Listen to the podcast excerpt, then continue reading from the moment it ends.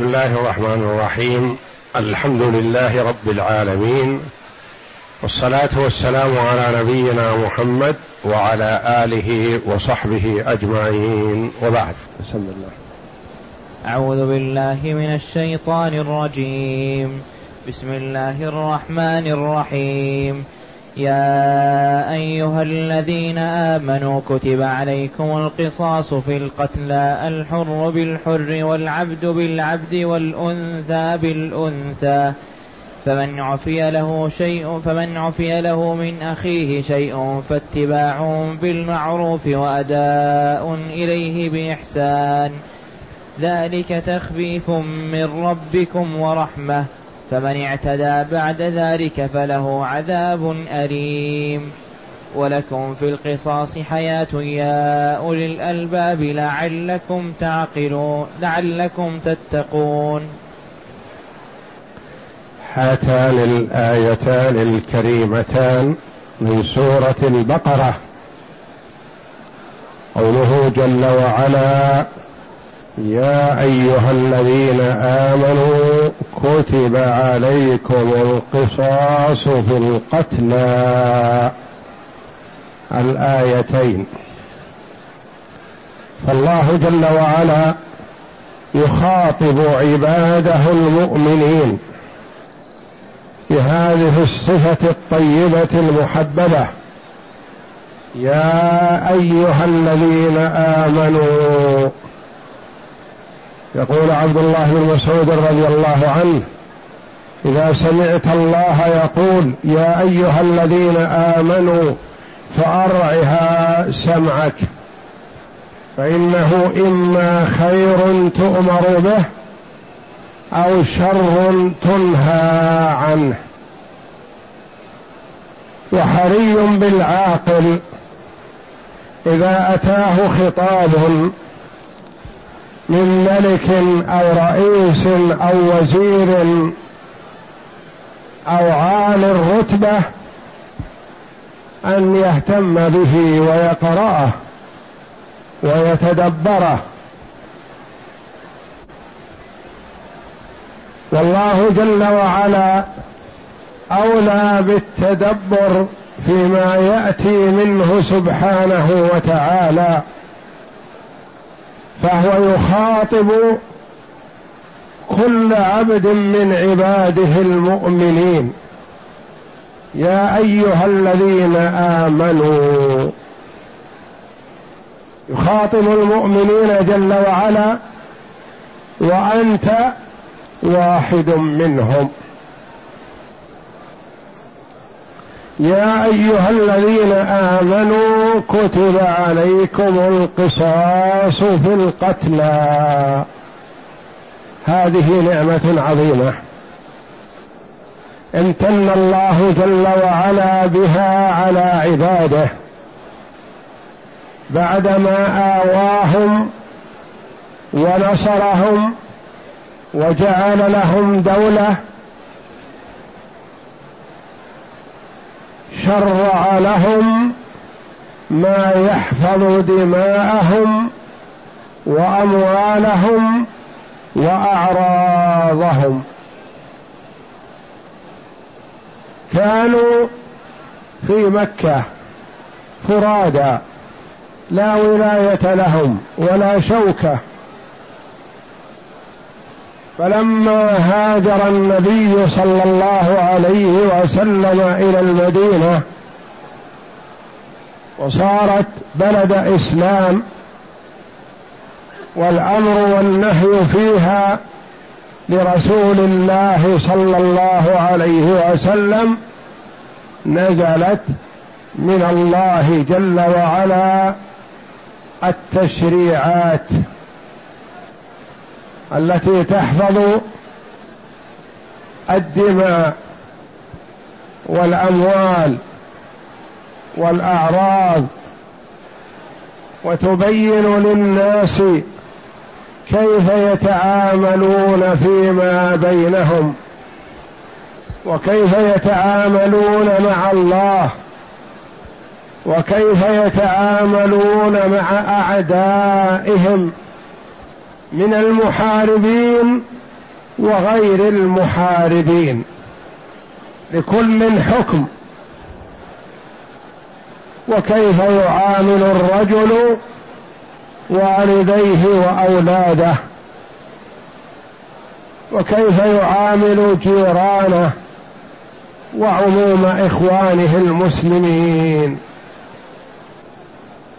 نزلت التشريعات والأوامر والنواهي والأحكام والحدود في المدينة خلال عشر السنوات التي أمضاها صلى الله عليه وسلم بالمدينة. وكان في مكة ثلاث عشرة سنة يدعو إلى التوحيد. ما نزل من التكاليف الشرعية سوى الصلاة في آخر الأمر. وثلاث عشرة سنة يدعو إلى التوحيد. فلما هاجر صلى الله عليه وسلم إلى المدينة أنزل الله عليه جل وعلا الأحكام والحدود والتشريعات فيما يتعامل به الناس. يا أيها الذين آمنوا كتب عليكم القصاص في القتلى في في هذه بمعنى الباء السببية بسبب القتل. فرض عليكم القصاص بسبب القتل. دخلت امرأة يقول عليه الصلاة والسلام دخلت امرأة النار في هرة في هرة. يعني بسبب هرة حبستها لا هي أطعمتها ولا هي تركتها تأكل من خشاش الأرض. فتأتي في بمعنى الباء باء السببية. كتب فرض. فرض نعم. يجب على الولاة أن يمكنوا ولي الدم من القصاص. يجب على القاتل أن يمكن من نفسه من القصاص. يجب على أولياء وقرابة ومعشر القاتل أن يسلموه للقصاص. خلاف حال الجاهلية القاتل يقتل وأسرته وأهله وعصبته يدافعون عنه. لا يا أيها الذين آمنوا أنت واحد من المؤمنين أنت أبو القاتل أنت ابن القاتل أنت اخو القاتل أنت مخاطب بهذا. مفروض عليكم القصاص من الله جل وعلا الذي يعلم مصالح العباد. كتب بمعنى فرض عليكم القصاص. لا تتعرض. ولا تدافع عنه. ثم الله جل وعلا وسع فيه على عباده. فهو فرض مكتوب. ما يسوغ لولي الأمر أن يضيع القصاص. ولا يسوغ لأولياء القاتل أن يدافعوا عنه. ويمنعوا عنه القصاص. لا يسلموه.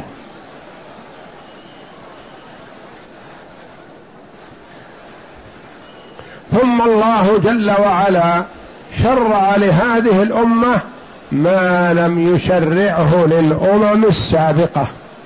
نعمة عظيمة. اليهود لا بد من القصاص. ما في خيار. القاتل يقتل. النصارى ما في قصاص. عفو. عفو مجانا. لا مال ولا قصاص.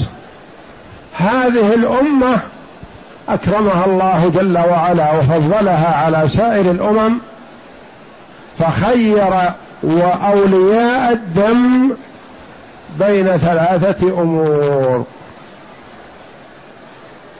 وهي القصاص إن أراده.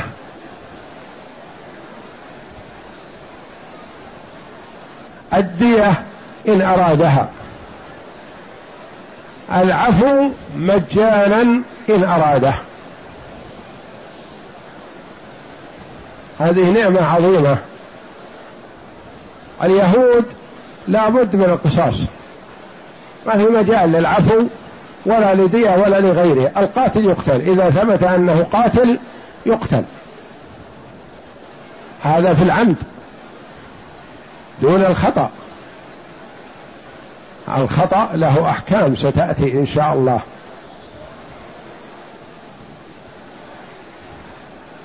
وما كان لمؤمن أن يقتل مؤمنا إلا خطأ ومن قتل مؤمنا خطأ الآية.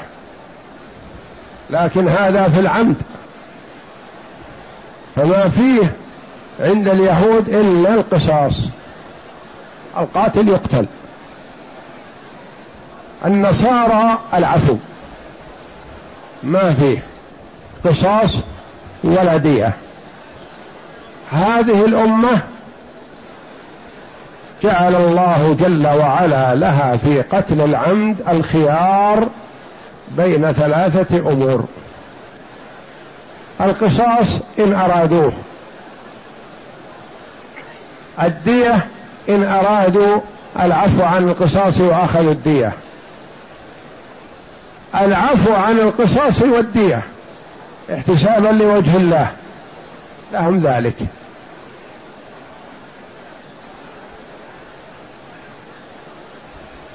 ثم إن الشرع يتشوف إلى العفو.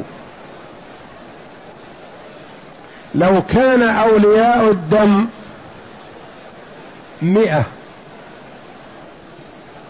فعفى واحد منهم سقط القصاص.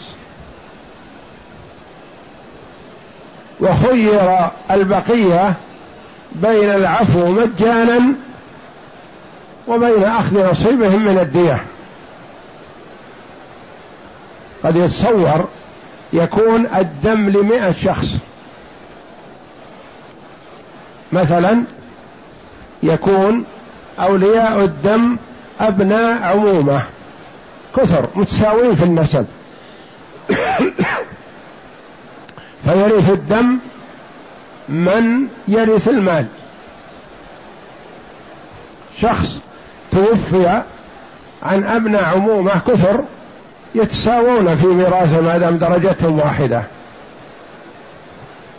شخص قتل ورثته أبناء عمومة مئة له مثلا أعمام عشرة ولكل واحد منهم بعد موته عشرة أو أكثر من عشرة أولاد.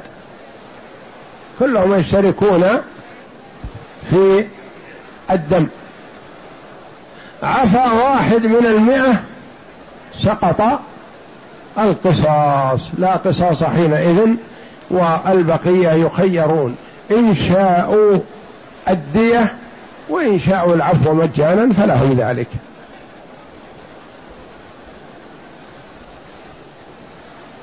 يا أيها الذين آمنوا كتب عليكم القصاص في القتلى.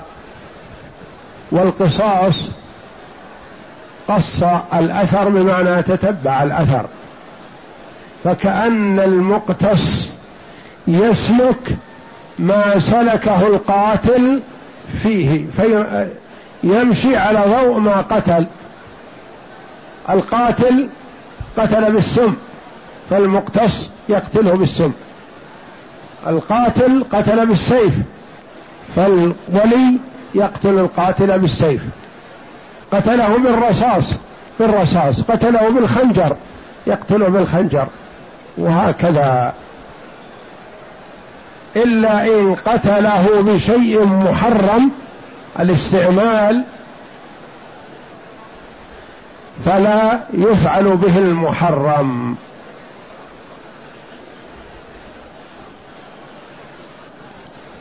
كتب عليكم القصاص في القتلى.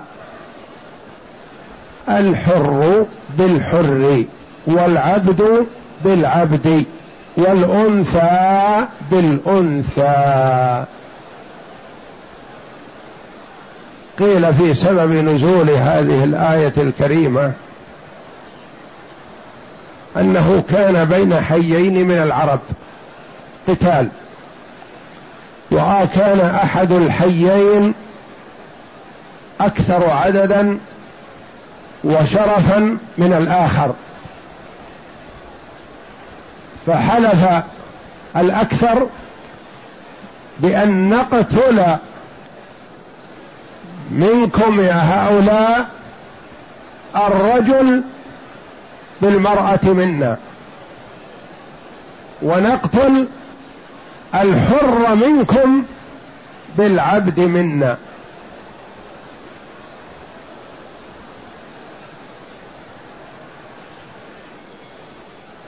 فلم يقتص بعضهم من بعض حتى دخلوا في الإسلام فترافعوا إلى النبي صلى الله عليه وسلم فأنزل الله حكم ذلك. الحر بالحر. فلا يقتل الحر بالعبد.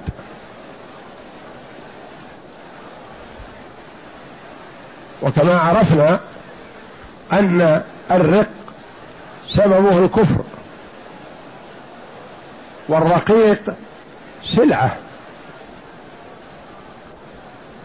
والإسلام ما ظلمه وإنما هو ظلم نفسه. اختار الكفر والشرك فحط الإسلام قدره. وإلا فالمسلمون تتكافأ دماؤهم. لكن هذا أصله هو أو أصله ليس بمسلم. ما جاءه الرق إلا بسبب الكفر منه أو من آبائه وأجداده.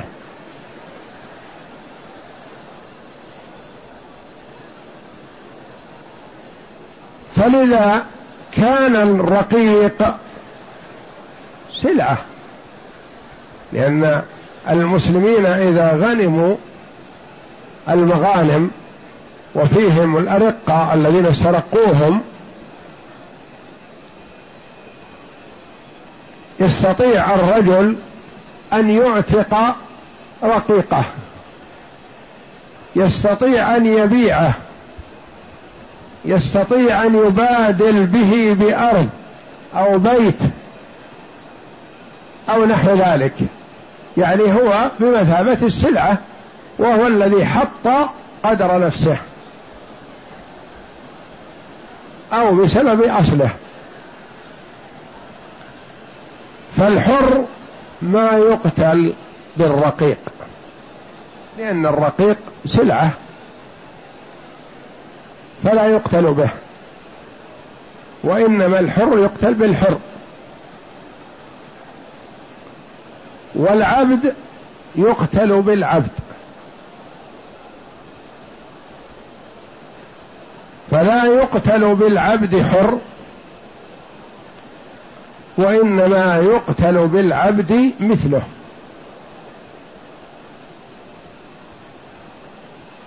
والأنثى بالأنثى. فالأنثى إذا قتلها الرجل منطوق الآية الكريمة هذا لا يقتل الرجل بالأنثى. يعني ما يفهم منها أن الأنثى تقتل بالأنثى. فهل يقتل الرجل بالأنثى؟ نعم يقتل لكن بغير هذه الآية الكريمة. بآية المائدة. النفس بالنفس والعين بالعين والأنف بالأنف إلى آخر الآية.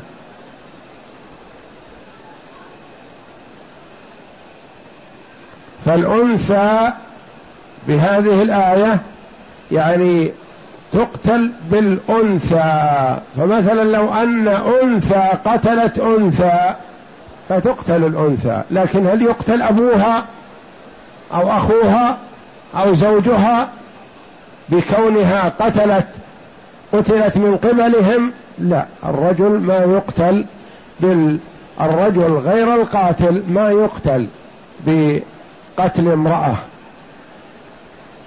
وإنما إذا قتل رجل امرأة يقتل بها إلا إن كانت زوجته ولم يكن ذلك غيلة فعند بعضهم أن أي الرجل ما يقتل بزوجته.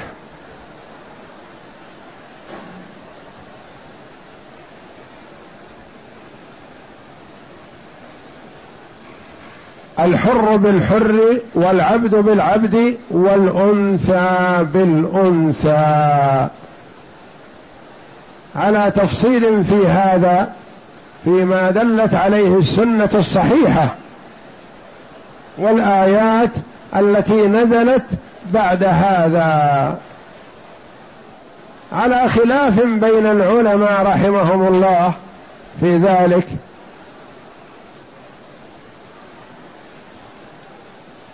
وهل يقتل المسلم بالكافر؟ الجمهور لا. ما يقتل مسلم بكافر لأنه غير مكافئ له. وعند أبي حنيفة رحمه الله يقول يقتل المسلم بالكافر لأن النفس بالنفس. هذا نفس وهذا نفس. والحر بالحر وهذا حر وهذا حر.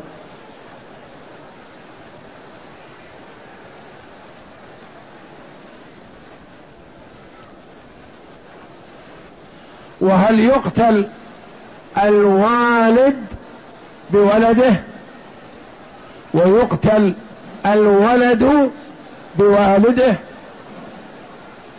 نقول نعم يقتل الولد إذا قتل والده.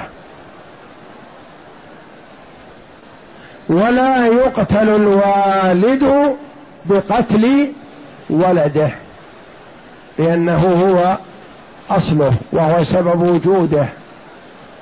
فلا يقتل به.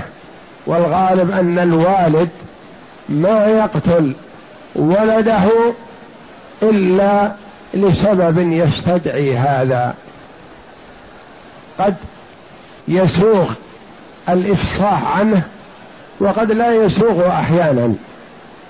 ما يسوغ للوالد أن يفصح عن سبب قتله لولده. فلا يقتل الوالد بولده. وأما الولد فيقتل بقتل والده لأنه عقوق. مع القتل ومع الجناية عقوق إذا كان إذا أقدم على قتل والده. وهل يقتل الجماعة بالواحد؟ نعم. الجمهور على أنه لو أقدم جماعة على قتل واحد قتلوا به جميعا. لأن عمر رضي الله عنه قتل سبعة من أهل صنعاء أقدموا على قتل غلام. فأمر بقتلهم فقيل له يا أمير المؤمنين تقتل سبعة بواحد قال نعم. والله لو تمالأ عليه أهل صنعاء لقتلتهم به. لو تمالأوا يعني أهل البلد كلهم على قتله رجل واحد بدون حق لقتلتهم كلهم به. وكان بمثابة الإجماع. ولأن في هذا حفظ للدماء. لو قلنا مثلا جماعة ما يقتلون بالواحد لربما أقدم جماعة على قتل واحد كل واحد يعمل معه عمل ما يكون سبب وحده للقتل وإنما مع غيره. ويقال لا يقتص من الجماعة بل يقتص من الجماعة. لو تمالأ عشرة أو أكثر أو أقل على قتل واحد بغير حق فإنه يقتلون به. والأنثى بالأنثى.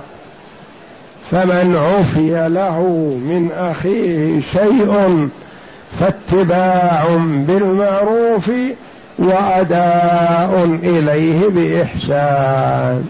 فيها أحكام عظيمة وفوائد جمة. فمن عفي له من أخيه. دل هذا على أن القاتل أخ لأولياء المقتول ما دام مسلمين أخ فمعناه أن القاتل ما خرج من الإسلام. قال عفي له من أخيه من هم؟ ولي الدم والقاتل والذي باشر الدم. واحد أخ للثاني المسلم اخو المسلم. إنما المؤمنون إخوة. فدل على أنه مع القتل ما خرج عن الإسلام. ودل هذا على أصل من أصول أهل السنة والجماعة أن المسلم ما يكفر بالمعصية وإن عظمت دون الشرك.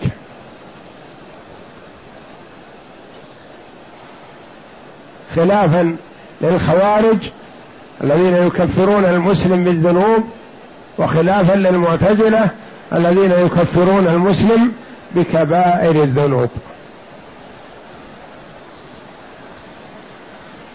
ولهذا من خطئهم وجهلهم استحلوا دماء كثير من الصحابة رضي الله عنهم. ومنهم من بشره النبي صلى الله عليه وسلم بالجنة.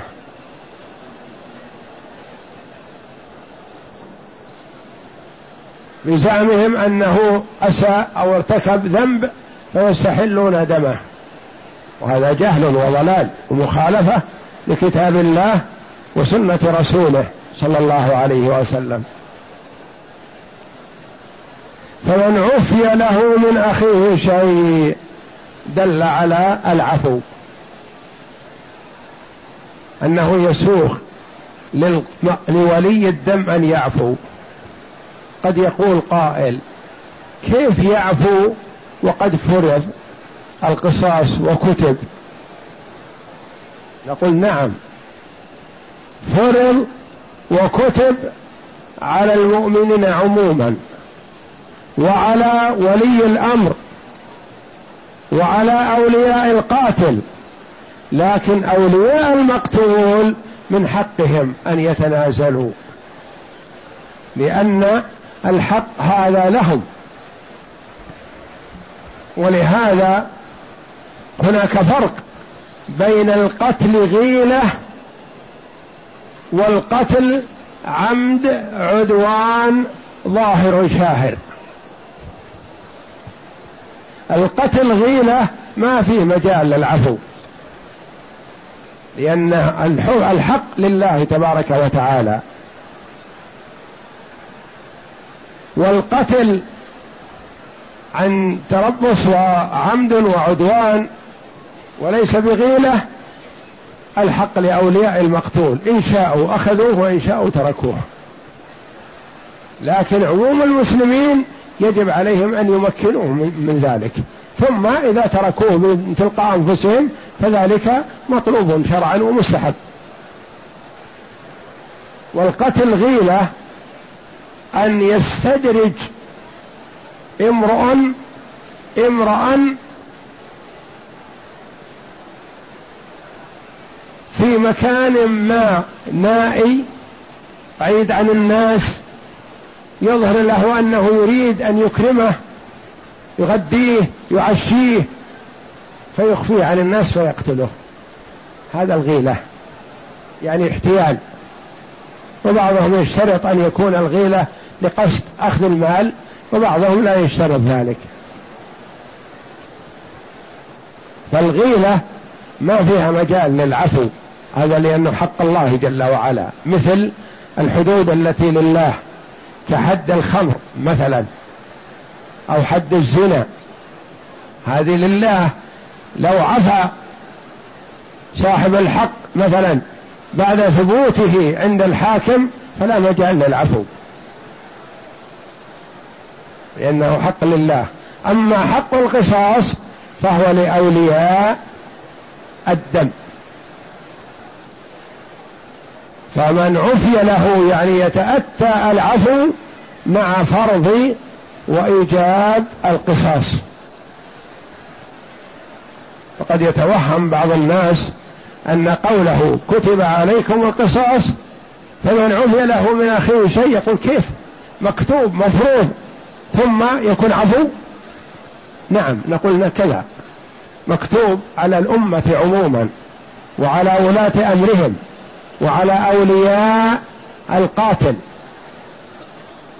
فإذا تنازل أولياء المقتول عن حقهم فذلك عفو ويؤجرون عليه. فمن عفي له من أخيه شيء هذه كلمة شيء نكرة. تدل على القلة. عفي ولو عن شيء قليل. فمثلا القصاص كما تقدم حق لمئة حق لسبعين حق لخمسين حق لعشرين. مثلا واحد من هؤلاء قال عفوت عن حقي. سقط القصاص. نقول هذا شيء. أو واحد من خمسين أو أقل أو أكثر نقول نعم لأن الشرع يتشوف إلى العفو ولا يلزم به رغم الأنف. الشرع يأمر بالعفو ويحث عليه ويرغب فيه ولا يلزم به. فالقاتل إذا جاء إلى القاضي ومعه أولياء الدم يحثهم ويرغبهم في العفو. يقولون تلزمنا بأن نعفو؟ يقول لا أبرأ إلى الله. ما ألزمكم وإنما أرغبكم في هذا. شقول يا فلان؟ شقول يا فلان؟ يا يتعمد ويقصد أسهلهم وألطفهم وأرفقهم. لعلك تعفو يا أخي. وماذا تستفيد إذا قتلت؟ اعفو عن حقك جزاك الله خيرا. يقول قد عفوت. يسقط القصاص حينئذ. فمن عفي له من أخيه شيء شيء نكرة يعم يعني ولو شيء يسير. فاتباع بالمعروف. إذا حصل العفو لا ترهق صاحبك يا أخي. لا تقل أعفو عنه على شرط يعطيني خمسة ملايين عشرة ملايين. لا يا أخي. أرفق بأخيك. ما دام عفوت. وقلت عفوت خذ الدية التي شرعها الله جل وعلا أو تنازل عنها.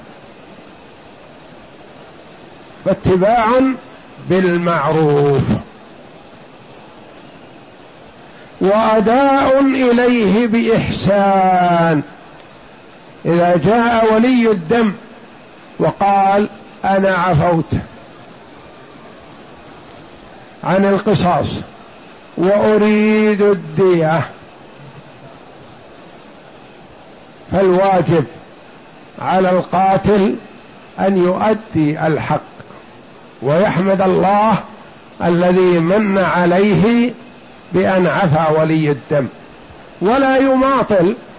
يقول صحيح عندي لك مئة من الإبل. الدية مئة من الإبل.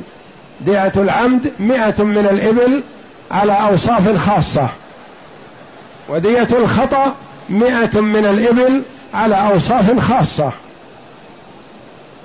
وقررت لدينا في هذه البلاد فدية العمد مئة وعشرة آلاف ودية الخطأ مئة ألف والكلام في دية العمد ثبت عليه دية العمد مئة من الإبل بأوصافها أو مئة ألف ريال وعشرة ما يسوغ للقاتل يقول خذ هذه عشرة آلاف هذه خمسة آلاف هذه ألفين واصبر علي اصبر علي سنة سنتين أجمع لك الدية. لا يا أخي يجب أن تبادر بالأداء. ما دام أن الله من عليك بأن حنن قلبه عليك فعفى عنك لا تماطله في حقه أعطه حقه يستفيد منه. لا تحرمه مما جعل الله جل وعلا له.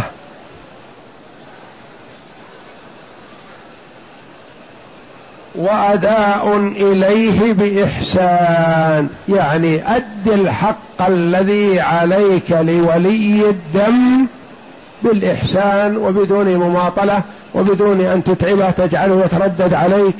صباح مساء أعطني وكل ما جاءك أعطيته ألف أعطيته ألفين أعطيته خمسة احرص على أن تؤديها بإحسان. ذلك الحكم الذي هو العفو والقصاص والأداء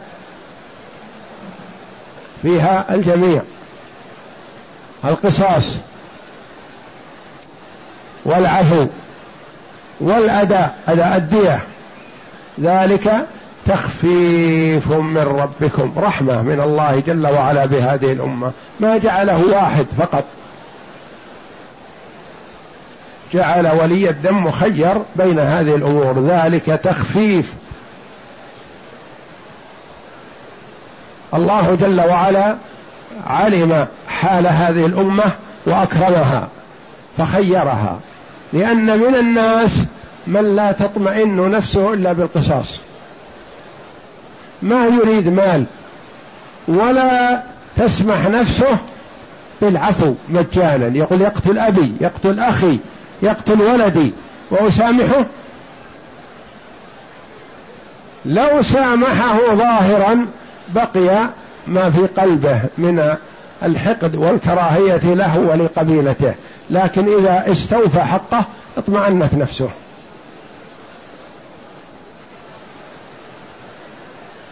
ومن الناس من يقول في نفسه ماذا أستفيد من القصاص. هل يعود صاحبي الذي قتل؟ لا. قتله شخص راح ووراه وخلفه صبية يريدون المال يريدون النفقة. فمائة ألف وعشرة آلاف تنفعهم. ما أريد القصاص. يقال له خذ القصاص لا لا ما أريد القصاص. وماذا أستفيد من قتل هذا الرجل الذي قتل ولدي؟ ما لي غرض في قتله وإنما أريد مال. يجبر خاطري أو أنا فقير وبحاجة. أنا ما عندي كذا ما عندي كذا وبحاجة إلى كذا فأنا أستعين بهذا المال على طاعة الله. فيقال له خذ المال. الآخر الثالث يقول لا أريد القصاص ولا أريد المال أنا في غنى والحمد لله لكن أريد حقي عند الله تبارك وتعالى يوم القيامة. أعفو ليعطيني الله جل وعلا الحق أكثر لأن لأنه إذا عفا ما صار له حق عند القاتل وإنما حقه عند رب العزة جل وعلا. فيكون أعظم وأكثر. يقول ما ما أريد من هذا حق وإنما أريد حقي من الله جل وعلا. ولا أريد مال ولا أنتفع بقصاص. فأنا أريد الأجر والثواب عند الله جل وعلا يوم القيامة. يبشر بهذا له ذلك. فهذا تخفيف ورحمة من الله جل وعلا بهذه الأمة. فمن اعتدى بعد ذلك هذا تحذير. لأن من الناس من يقول أعطوني الدية. أو يقول سمحت وعفوت ليستغفل القوم. فإذا به يسطو عليهم في ليل أو نهار فيقتص من القاتل. هذا ظلم ولا يجوز لأنك أظهرت العفو أو قبلت الدية. ثم ترجع وتقتل هذا ما يجوز. هذا ظلم. أنت لو طلبت القصاص في الأول من حقك لكن تؤمنهم وتفرحهم بهذا ثم يأمنون منك ثم ترجع عما أعلنته فمن اعتدى بعد ذلك فله عذاب أليم. إلى هذا العذاب في الدنيا أي أنه يقتص منه حتما. أو أن العذاب هذا في الآخرة بأنه متوعد بالعذاب الشديد كيف يأخذ الدية ثم يقتص؟ أو كيف يظهر العفو ثم يقتص؟ ما يجوز له ذلك. ولكم في القصاص حياة. يا أولي الألباب لعلكم تتقون. هذه كلمة عظيمة وبليغة. يعجز الفصحاء والبلغاء أن يأتوا بمثلها. ولكم في القصاص حياة. كأن قائلا يقول يا ربي كيف القتل في حياة؟ نعم نقول القتل في حياة. القتل هذا يسبب حياة أمم كثير ولكم في القصاص حياة. الكلمة العربية يقول القتل أنفى للقتل. القتل أنفى للقتل ما تؤدي الغرض. قال الله جل وعلا ولكم في القصاص حياة. هذا رجل شرير يريد أن يقتل هذا ويقتل هذا ويقتل هذا. يقول ثم ماذا إذا قتلت هؤلاء وبردت خاطري؟ أدخل في السجن. ثم سنة سنتين خمس عشر أطلع. لكن إذا عرف أنه إذا قتل الأول أخذ فقتل به. يقول لا ما هي مصلحتي أقتل نفسي.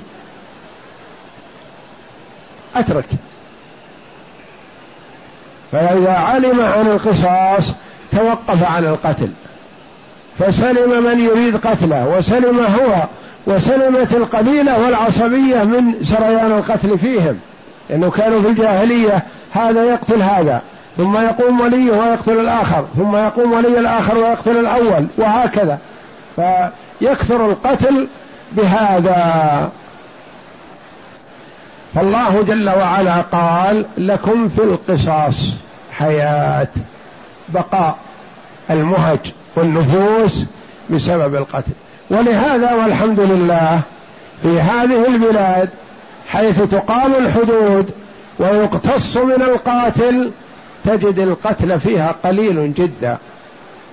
إذا قورن بغيرها ممن لا تقيم حدود شرع الله جل وعلا. يكثر القتل فيهم. لأنه يقول إذا قتلت أتشفى ثم بعد ذلك أسلم نفسي. إذا سلمت نفسي بالسجن.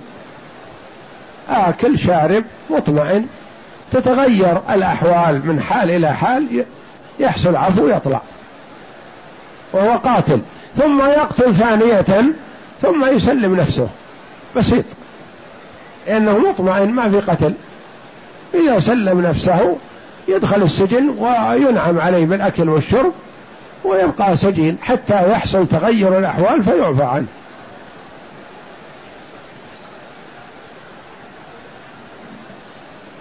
فإقامة شرع الله جل وعلا صيانة للدماء والأموال والأعراض واطمئنان واستقرار للمجتمع. والإنسان آمن على نفسه آمن على ماله لأن الله جل وعلا حفظها بهذه الحدود والزواجر.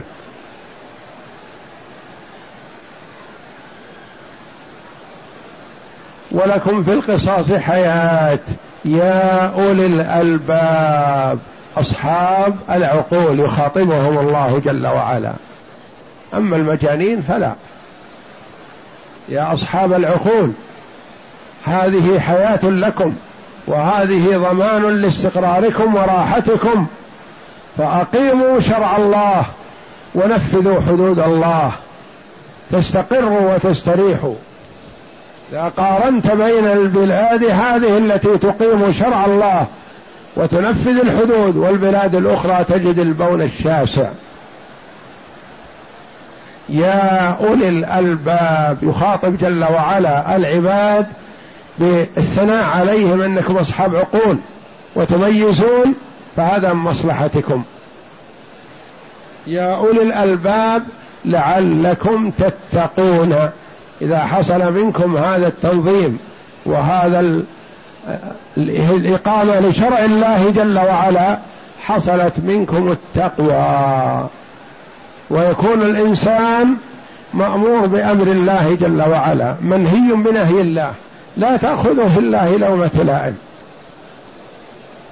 إذا أمر الله جل وعلا سارع إذا نهى الله جل وعلا انتهى. هذه التقوى بامتثال الأوامر واجتناب النواهي. وفسر بعض العلماء التقوى بأن تعمل بطاعة الله على نور من الله رجاء ثواب الله وأن تترك معصية الله على نور من الله خوفا من عقاب الله. فالمرء إذا اتقى الله جل وعلا بإقامة الحدود اتقى الله جل وعلا بأداء الفرائض واجتناب النواهي كما جعل الله جل وعلا الصيام سبب للتقوى لأن الصائم يجتنب المحرمات ويعمل الطاعات فيزيد تقواه لله جل وعلا. يا أيها الذين آمنوا كتب عليكم الصيام كما كتب على الذين من قبلكم لعلكم تتقون. فامتثال الأوامر سواء كانت حدود أو طاعات واجتناب النواهي سواء كان التعدي على الغير أو وقوع في المحرمات سبب للتقوى. اقرأ. يقول تعالى كتب عليكم العدل في القصاص أيها المؤمنون الحر حركم بحركم وعبدكم بعبدكم وأنثاكم بأنثاكم لا تتجاوزون ولا تعتدوا كما اعتدى, اعتدى من قبلكم وغيروا حكم الله فيهم. وسبب ذلك قريضة والنظير فكانوا إذا قتل النظيري إذا قتل النظيري القرظي لا يقتل به بل يفادى بمئة وسق من التمر. بنو النظير كانوا أقوى من بني قريظة وكان دية النظير تختلف عن دية القرظي النظير أكثر والنظير إذا قتل القرظي لا يقتص منه والقرظي إذا قتل النظيري يقتص منه. وهم اليهود وعندهم شرع الله جل وعلا القصاص لكن ما طبقوه. نعم. وإذا قتل القرظي النظيري قتل. وإن فادوه فادوه بمئة إذا قتل القرظي النظيري يقتل القرظي لأن قريظة أقل شأنا من بني النظير. وإن وكلهم يهود. لكن غلب بعضهم بعضا. وشرعوا لأنفسهم ما لم يشرعه الله. ودية النظير ضعف دية القرظي القرظي مئة والنظير مئتين. وإن فادوه فادوه بمئتي وسق من التمر ضعف دية القرضي. فأمر الله تعالى بالعدل في القصاص ولا يتبع سبيل المفسدين المحرفين المخالفين لأحكام الله فيهم كفرا وبغيا فقال تعالى الحر بالحر والعبد بالعبد والأنثى بالأنثى. وذكر عن سعيد بن جبير رحمه الله في قوله تعالى يا أيها الذين آمنوا كتب عليكم القصاص في القتلى يعني إذا كان عمد الحر بالحر. وذلك أن حين من العرب اقتتلوا في الجاهلية قبل الإسلام بقليل فكان بينهم قتل وجرحات حتى قتلوا العبيد والنساء فلم يأخذ بعضهم من بعض حتى أسلموا. فكان أحد الحين يتطاول على الآخر في العدة والأموال فحلفوا ألا يرضوا حتى يقتل بالعبد منا الحر منهم والمرأة منا الرجل الحر بالعبد ويقتل الرجل بالمرأة. والمرأة منا بالرجل منهم فنزل فيهم الحر بالحر والعبد بالعبد والأنثى بالأنثى.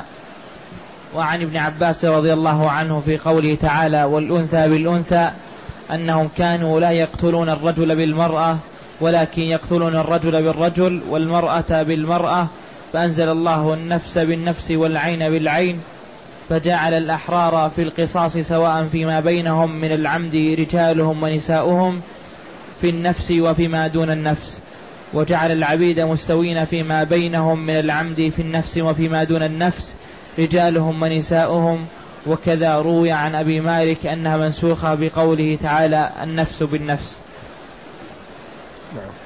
وذهب أبو حنيفة إلى أن الحر يقتل بالعبد لعموم آية المائدة وهو مروي عن علي رضي الله عنه وابن مسعود رضي الله عنه. قال البخاري يقتل السيد بعبده لعموم الحديث.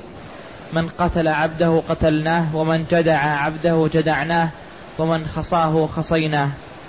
وخالفهم الجمهور فقالوا لا يقتل الحر بالعبد لأن العبد سلعة ولو قتل خطأ لم يجب فيه دية وإنما تجب فيه قيمته. ولأنه لا يقاد بطرفه ففي النفس بطريق أولى. وذهب الجمهور إلى أن المسلم لا يقتل بكافر لما ثبت في البخاري عن عن علي رضي الله عنه قال قال رسول الله صلى الله عليه وسلم لا يقتل مسلم بكافر. ولا يصح حديث ولا تأويل يخالف هذا. وأما أبو حنيفة فذهب إلى أنه يقتل به لعموم آية المائدة.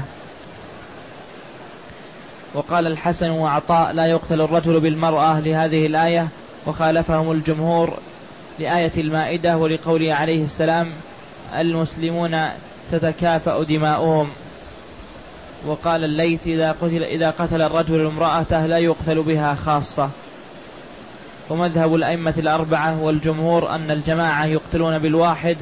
قال عمر في غلام قال عمر رضي الله عنه في غلام قتله سبعة فقتلهم وقال لو تمالى عليه أهل صنعاء لقتلتهم.